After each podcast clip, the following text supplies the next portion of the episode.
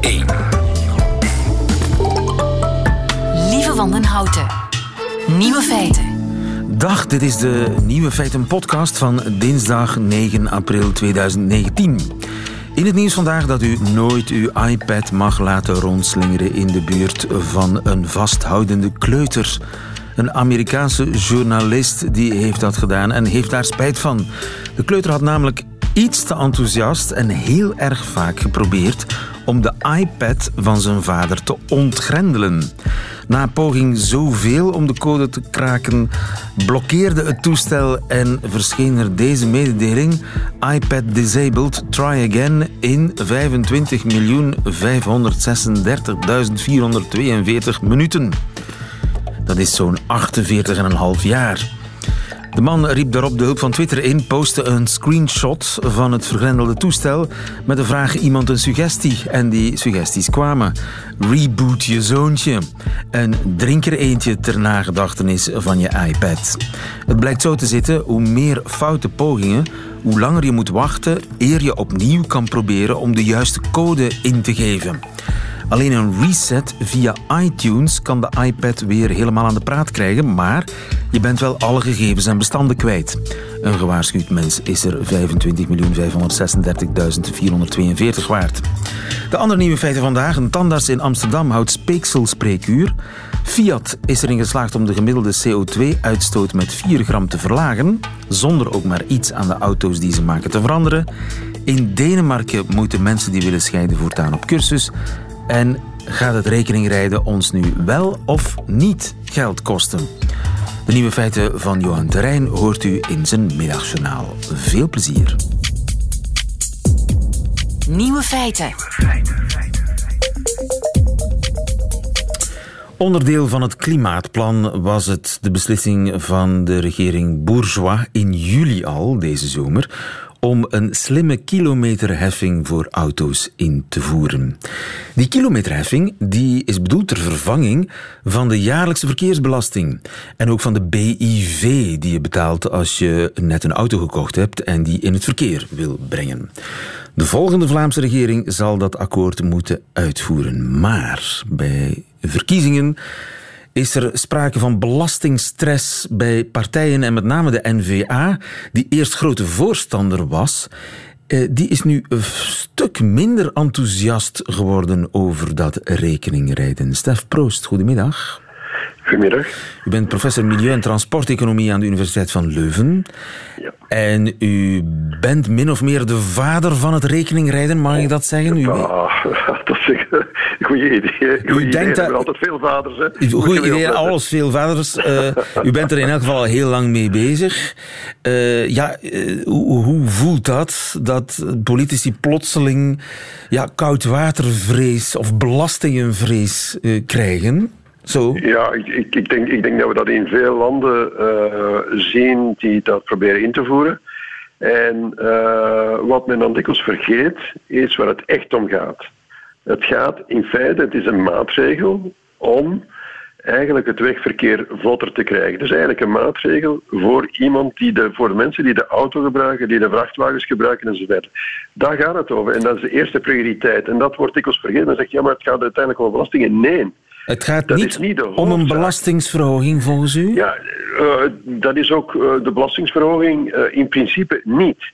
Want Het is waar geen eigenlijk om gaat, ja, in, in feite niet. Wat je echt probeert te doen, is eh, de vertrektijden van de mensen zodanig te herorganiseren dat ze eh, niet met z'n allen in de file staan.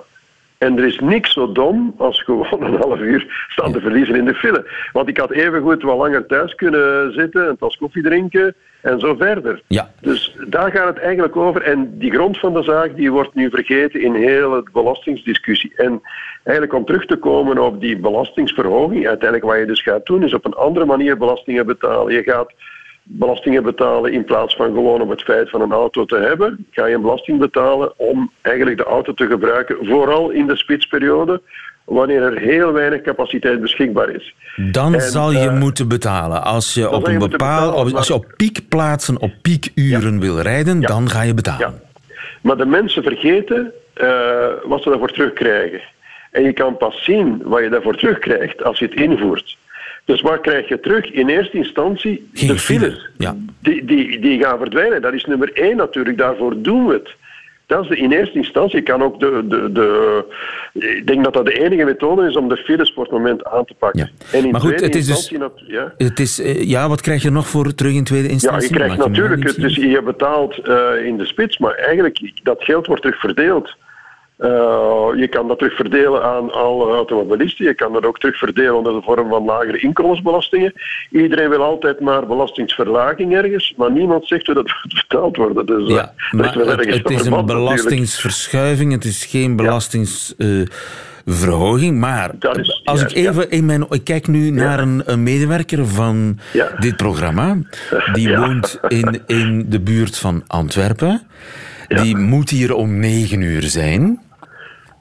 Die eh, al- met, met openbaar vervoer kost hem dat put, drie uur ongeveer. Ik overdrijf een beetje. Ja, nee, nee, dat maar goed, hij moet eh, eh, uren op een bus zitten, twee treinen nemen Mhm. enzovoort. Dus hij heeft geen keuze.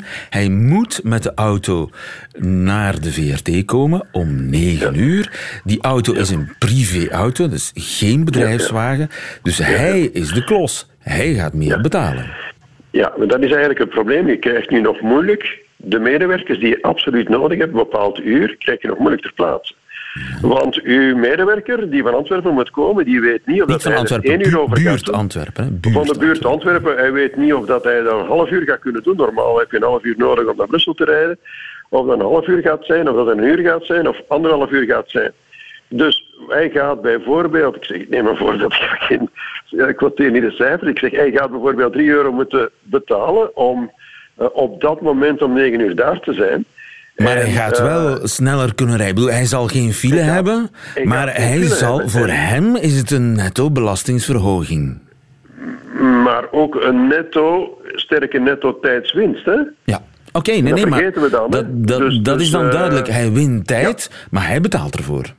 Hij betaalt ervoor, maar hij is dan ook natuurlijk, hij gaat ook wel minder andere belastingen betalen. En netto, de, natuurlijk, je kan als je de rekening maakt, als ik precies teruggeef aan iedereen die 3 euro betaalt, die krijgt precies 3 euro terug gegarandeerd, heb ik nooit geen effect natuurlijk. Ja. Dus ik moet ergens. eh, Er zijn mensen die, die een- een meer gaan betalen, mensen die minder gaan betalen, de mensen die Oh ja. niet in de spits rijden. Ja, die gaan minder gaan betalen. Die gaan minder Dus gaan betalen, maar dat zijn precies de mensen Ja. die eigenlijk niet om negen uur op het werk moeten zijn. Dus in die zin, Ehm, daar zou ik mee opletten. En er is een, een tweede factor nog, is dat, eh, kijk, hij kan ook proberen om eh, wat vroeger dan 9 uur daar te zijn. Als hij daar zegt, kijk, eh, hij kan zeggen, ik betaal maar 1 euro. En dan vertrek ik om eh 8 uur. En dan ben ik om 8 uur 30 daar. Kan ik misschien al iets doen. ja, ja, en dan betaalt hij iets minder. vergeten. Ja, En ja. dat betaalt hij natuurlijk iets minder. En je moet eigenlijk die keuze geven aan de mensen. Eh, het is niet aan de overheid om te zeggen: kijk, eh, meneer X, je komt van Antwerpen, moet daar om 9 uur zijn. Ik ga zeggen dat je dat voortaan op die op die manier gaat doen. Je moet ergens. Dat prijsmechanisme gaat precies bepalen voor wie dat het kan, voor wie het interessant is om te zeggen: ik vertrek om 8 uur in plaats van 8 uur 30. En als ik om 8 uur vertrek, heb ik ook geen files. Dat is de bedoeling. En Een andere mogelijkheid is natuurlijk dat de werkgever daarin tussenkomt. komt. Die zegt van ja, oké, het is De mijn vraag dat hier moet zijn, dus dan betaal ik die Ja, kilometerheffing. Ja, dat kan natuurlijk ook. Dat gaat ook meespelen. Een werkgever gaat twee keer nadenken. Eer dat hij zegt, iedereen moet hier absoluut om 9 uur stip staan. En als die hier niet zijn, dan, krijg je, dan gaat uw loon naar beneden en zo verder. Dus hij moet nadenken hoe dat hij het werk organiseert. Dat vragen we nu ook. Maar we- eigenlijk krijgen we... eh, waarom zou een bedrijf eh, de files gaan oplossen? Een bedrijf kan die files niet oplossen. Geen enkel individu kan dat oplossen. Daarvoor is een soort van coördinatie nodig van die vertrektijden. En dat is precies hetgeen dat we willen bekomen met eh rekeningrijden. Met dat systeem En- van incentives Ja. om op bepaalde momenten niet te Nu, rijden. ik, ik, ik ga er een laatste punt aan toevoegen. Eh, dat probleem komt natuurlijk overal boven als je die discussie begint. En ik neem altijd het voorbeeld van Stockholm. Waarbij dat in Stockholm eigenlijk eh, is er een rekeningrijden ingevoerd dankzij de steun van de Groenen. Omdat er een minderheidsregering was en die wou nog van alles doen.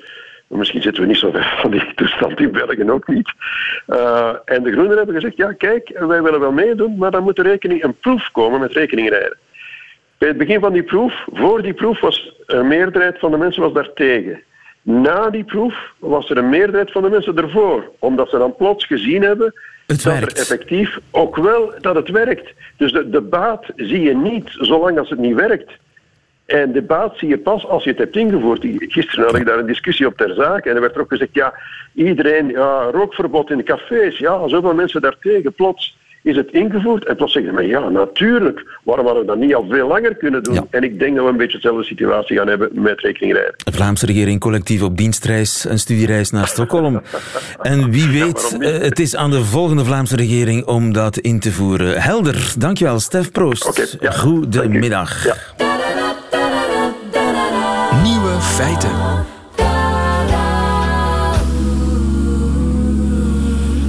Weet pas hoe belangrijk speeksel is als je het niet hebt. Maria Leijne, goedemiddag. Goedemiddag. U bent tandarts van Finse afkomst in Amsterdam en hoogleraar. Ja. En u houdt al enkele jaren speekselspreekuur. Waarom doet u dat? Nou, eh, speeksel is een hele belangrijke vloeistof voor onze mond en mondgezondheid, maar eigenlijk ook voor vele andere zaken. En eh, vele eh, mensen hebben problemen eh, met droge mond. En een droge mond, dat is niet zomaar gewoon lastig, dat is ook gevaarlijk naar het schijnt. Nou, zeker als een echte droge mond situatie aanwezig is, is het voor mensen moeilijk eh, bijvoorbeeld te spreken. eh, ook moeilijk te eten en slikken en proeven. En het gevaar eh, bestaat dan voor gebiedselementen. Eh, speeksel heeft veel beschermende factoren. En die hebben gebiedselementen en mondslijmvlies hard nodig. Dus een gebrek aan speeksel kan je gebit ruïneren. Nou, bij de mensen die echt eh, zo goed als geen eh, speekselsecretie hebben, kan dus het gebit achteruit gaan in snelle tempo. Oh ja, op een paar maanden tijd. Zeker. En komt dat vaak voor dat mensen absoluut geen speeksel meer hebben? Ehm, het is niet dat dit nu heel erg vaak voorkomt in een algemene eh, bevolking, maar in bijzondere groepen, zoals mensen die bestraald zijn eh, in hun hoofd-halsgebied. En daardoor zijn die speekselklieren kapot gegaan en kunnen dus zo goed als geen speeksel meer produceren. Maar ook eh, mensen met eh auto-immuunziekte, het syndroom van Sjögren, kunnen hier ernstige problemen mee hebben. Ja. Dus het is vaak een bijwerking van medicijnen. Ja, dat is dan een andere punt. Eh, eigenlijk het grootste oorzaak voor droge mond eh, zijn eh, bijwerkingen van medicijnen. Ongeveer de helft van de medicijnen die wij slikken eh, hebben een bijwerking droge mond. En ja, is daar dan iets aan te doen? Kun je eh, alternatieve medicijnen inzetten? Eh, vaak wel, maar dit is iets wat inderdaad eh, in overleg met, eh, met de arts, specialist of huisarts eh, moet plaatsvinden. Kijken of daar opties zijn, andere medicijnen te slikken die minder bijwerkingen hebben in de Ja. mondhol. En kan ik zelf mijn speekselproductie stimuleren door mondbewegingen of zo? Zeker. Bijvoorbeeld kauwen met kauwgom. Altijd inderdaad zonder suiker of met xylitol toegevoegde kauwgom. Oh ja, dat helpt. In de meeste gevallen wel, maar het is inderdaad iets wat wij tijdens zo'n eh, speekselspreekuur uitzoeken hoe dat allemaal gebeurt. Vaak is het ook met behulp van een smaak mogelijk. Maar ook bijvoorbeeld met, met behulp van een geur. Er zijn verschillende manieren een speeksel te stimuleren. Met een smaak en een geur. Ja. Zoals eh weet, als eh gaat iets eh, langs en bakker. Oh, en dat ruikt zo Het ontzettend water lekker. komt Dat je in de mond. Het zakt, eh, loopt bijna uit je mond. Ja, ja, ja, ja, op die manier. eh, en het is een probleem waar wij ons te weinig van bewust zijn, het belang van speeksel. Inderdaad. De meeste mensen hebben, eh, ja, nemen het eh, vanzelfsprekend dat eh, speeksel daar aanwezig is. Maar als je speeksel tekort aan hebt, bijvoorbeeld tijdens een hele spannende presentatie, u ziet altijd dat mensen een glas water naast zich hebben. Een slokje water te nemen, je mond te bevochtigen. Dus zo ervaren we wel momenteel allemaal soms een droge mond. Maar het kan soms gevaarlijk zijn. Marja Leijnen, goedemiddag, dankjewel. Goedemiddag. Nieuwe feiten. Koppels die willen scheiden, die moeten in Denemarken voortaan eerst examen doen. Marcel Burger, goedemiddag. Goedemiddag. Onze man in Scandinavië. Uh, sinds deze maand kun je niet langer zomaar scheiden in Denemarken. Want dat ging nogal makkelijk, hè? Ja, het was heel makkelijk. Je stuurt een brief naar, uh, ja, naar instanties en dan bent u eigenlijk al gescheiden. De rechter of de instanties geven een krabbel eronder en klaar bent u. Briefje sturen. En uh, je bent van je boterbriefje verlost. Gewoon een online formuliertje invullen. Fluitje van een cent. Nu uh, is het iets minder een fluitje van een cent geworden, want koppels met kinderen, alleen zij, die moeten eerst een, een test doen. Wat is de bedoeling van die test?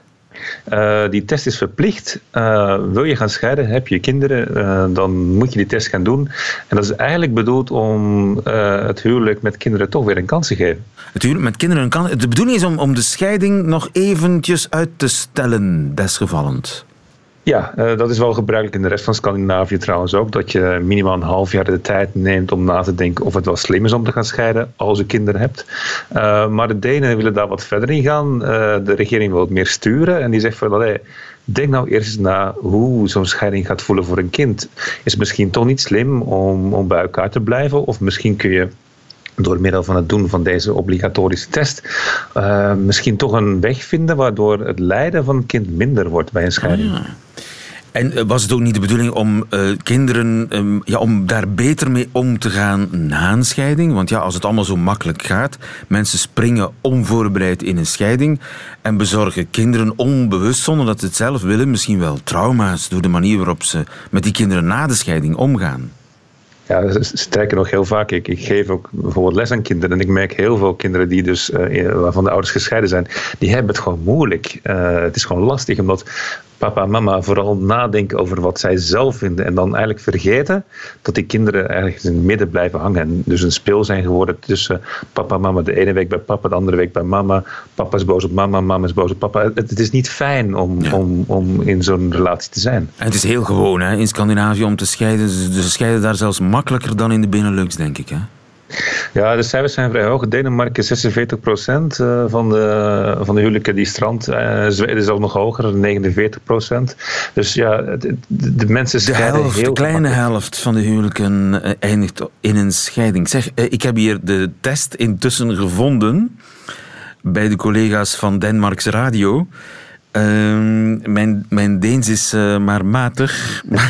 zullen, zullen we samen eens de test doen? Wacht, ja. ik heb er hier eentje, denk ik, die ik begrijp. Een dilemma, want je krijgt dilemma's voorgeschoteld. Hè? Je moet dan doorklikken.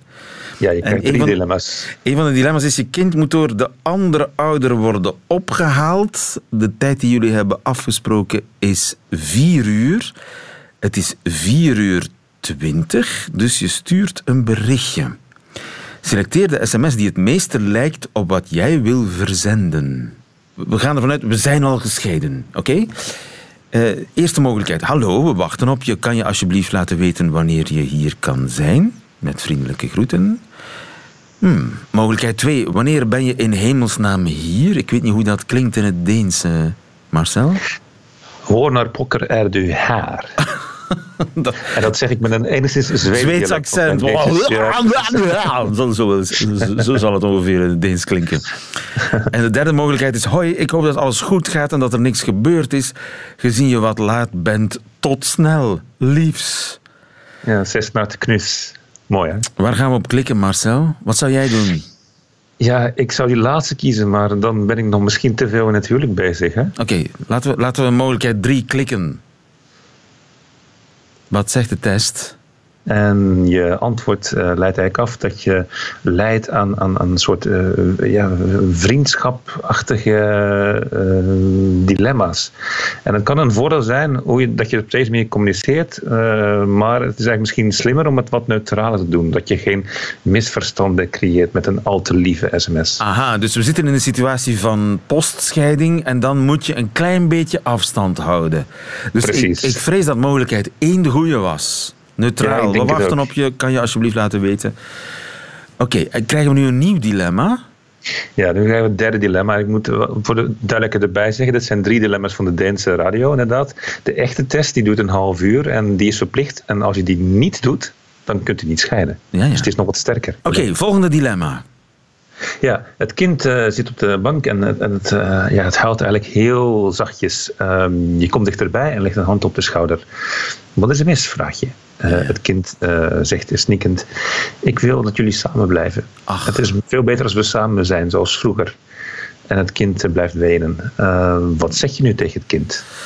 Een kind dat stil zit te huilen eh, omdat mama en papa uit elkaar zijn. Wat zeg je tegen zo'n kind? Wat zijn de drie mogelijkheden? Ja, mogelijkheid 1. Uh, ah, kom, kom, kom. Uh, het zal beter zijn uh, als we samen zijn, dat beloof ik wel, maar stop met huilen alsjeblieft. Punt 2 is, ja, ik begrijp het wel, maar het is misschien beter voor ja, papa en mama als we niet bij elkaar blijven. Aha. En punt drie is, uh, ik kan zien uh, dat je eronder lijdt, maar het is voor ons allemaal samen. Aha. Is het moeilijk? Is het moeilijk? Dus in uh, antwoord 1 geef je geen uitleg, stop met blijteren, het is nu eenmaal zo. In antwoord 2 zeg je het is beter voor mama en papa. In antwoord 3 zeg je het is beter voor ons allemaal dat we nou, met elkaar zijn. Antwoord 3 staat van het is allemaal zwaar voor ons allemaal. Het is niet alleen voor jou, maar ook voor ons zwaar. Ah, staat daar oei, moeilijk dilemma. Marcel, wat ga je kiezen? Ik zeg punt 2. Ik zeg, het is... het is eh, beter voor mama en papa. Het is beter voor mama en papa als we niet samen zijn. Was dat het goede antwoord? Klikkers. Het is goed uh, om het kind te troosten en het is ook goed om eerlijk te zijn. Uh, dat betekent ook dat de schuld niet bij het kind komt liggen, dus zo voelt het kind dat. En uh, het is daarom heel belangrijk dat je duidelijk bent in, in wat je antwoordt. Volgens mij was dat het goede antwoord. Het klinkt als een goed antwoord, dus ik, ik, ik kan scheiden, lieve. Gefeliciteerd, Marcel. Dank u. Zo simpel is het dus. Eh, gaat het helpen, denk ik? Is iedereen daar een fan van? Nee, nou, er zijn natuurlijk heel veel mensen die vinden deze inmenging van de staten wel heel ver gaan. Aan de andere kant zijn er ook veel mensen van ja, allee, zeg, uh, de scheiding ligt ongeveer bijna de helft van alle huwelijken. Moeten mensen niet gewoon eens gaan nadenken wat ze eigenlijk aan het doen zijn? Niet alleen maar aan hunzelf denken, maar ook aan hun kinderen, vooral aan hun kinderen denken. En dat is natuurlijk het uitgangspunt sowieso van een huwelijk. Uh, dat is er ooit gekomen voor de kinderen. En een scheiding, ja, dan zou je het kind niet zomaar moeten laten gaan. Ja, mensen die willen scheiden moeten vanaf de eerste van deze maand in Denemarken op cursus. Dankjewel, Marcel Burger. Goedemiddag. Radio 1. Altijd benieuwd. Nieuwe feiten. Hocus in Italië. Fiat is erin geslaagd om 4 gram minder CO2 uit te stoten per auto, zonder ook maar iets aan die auto's te veranderen.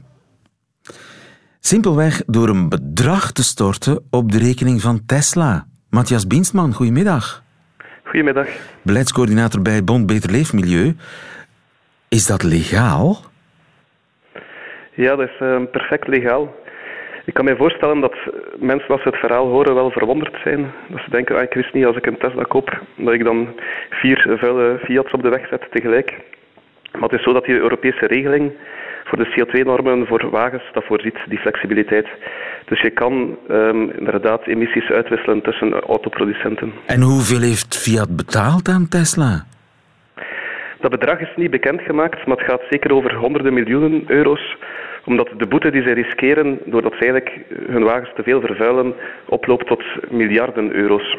Oké, dus zij kiezen daarvoor omdat ze anders een veel hogere boete nog moeten betalen. Maar ja, dat vermindert de uitstoot van Fiat niet, voor alle duidelijkheid. Nee. Het is eigenlijk zo dat de regelgeving van Europa vraagt dat alle auto's die nieuw verkocht worden in 2021 gemiddeld genomen 95 gram uitstoten. Dus dat is ongeveer 4 eh, liter per 100 kilometer. Ja. Maar toen dat die regels onderhandeld werden, dan zeiden de, de autobouwers die sportwagens bouwden of, of zware wagens van ja, dat is voor ons onmogelijk. En langs de andere kant had je bouwers zoals Peugeot, die eigenlijk kleine autootjes bouwen, die zeiden ja, we gaan niet veel meer moeten doen om die norm te halen. En daarom heeft men die flexibiliteit voorzien om te, zeggen, te zeggen van kijk, als de, alle auto's samen naartoe halen, is het goed. En dus de kleinere wagenbouwers die gaan um, nog zuinigere wagens dan de norm op de markt zetten. En de grotere moeten een beetje dichter richting de norm evolueren. Ja. Het probleem met Fiat is dat hij eigenlijk een kleine wagenbouwer was. En in die zin is het wel een uh, opmerkelijk verhaal. Ja, wat heeft Fiat dan niet gedaan wat de rest wel gedaan heeft? Ja, dat gaat terug uh, op een legendarische CEO die, die vorig jaar overleden is, Sergio Marchionne, die eigenlijk niet in elektrische wagens geloofde. En dus die heeft uh, compleet, de complete trein gemist. Dus de Fiat, dan nogthans niet echt grote wagens bouwt standaard, heeft complete trein gemist van de elektrificering. En is eigenlijk een van de twee grootste achterlopers en zit zwaar in de problemen met die Europese normen nu. En er is nog een andere achterloper. Klopt, ja. De andere die um, helemaal niet op koers is, is uh, Land Rover, ja, Jaguar. Dus minder verrassend. Uh, zij zitten ook uh, met een hele grote kloof richting het Europese doel.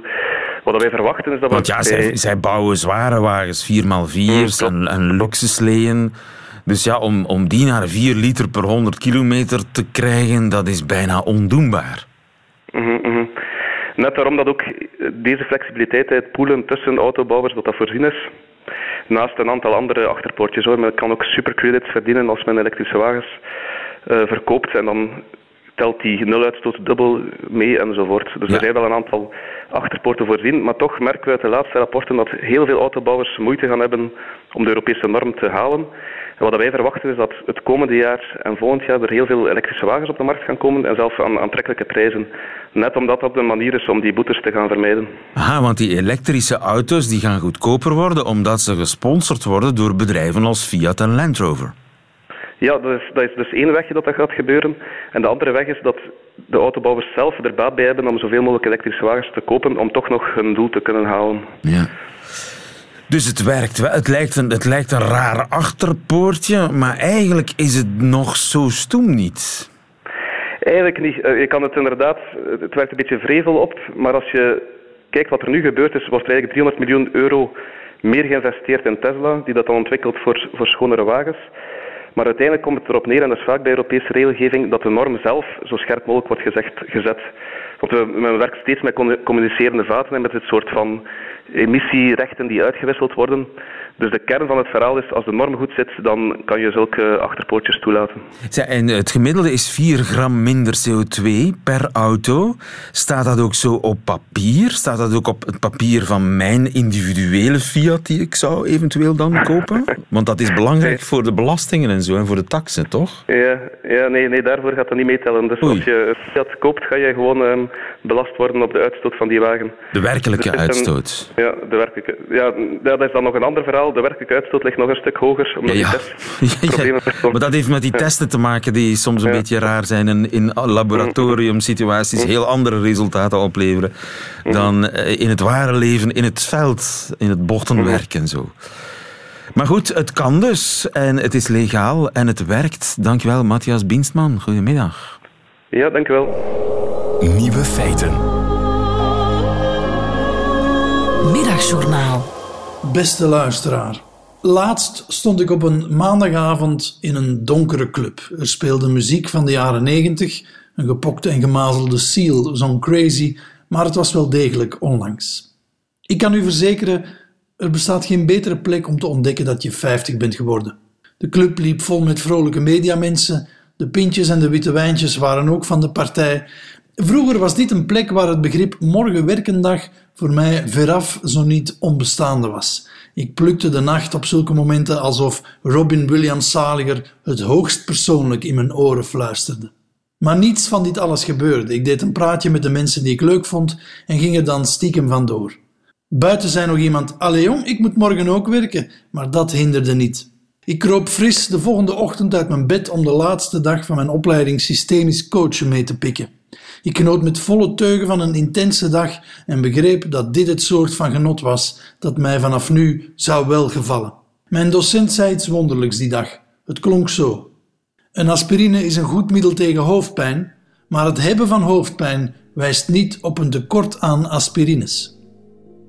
U mag er de wijsheid uithalen die erin zit, beste luisteraar. Voor mij betekent het dit.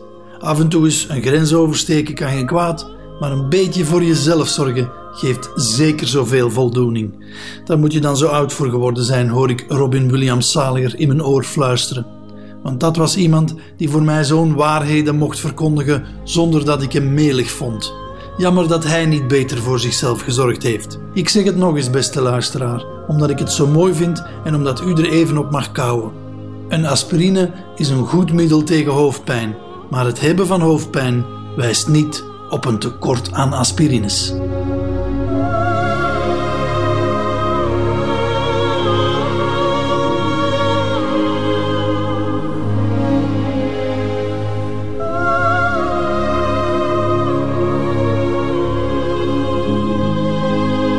Terrein in het middagjournaal Berouw komt zoals steeds na de zonde.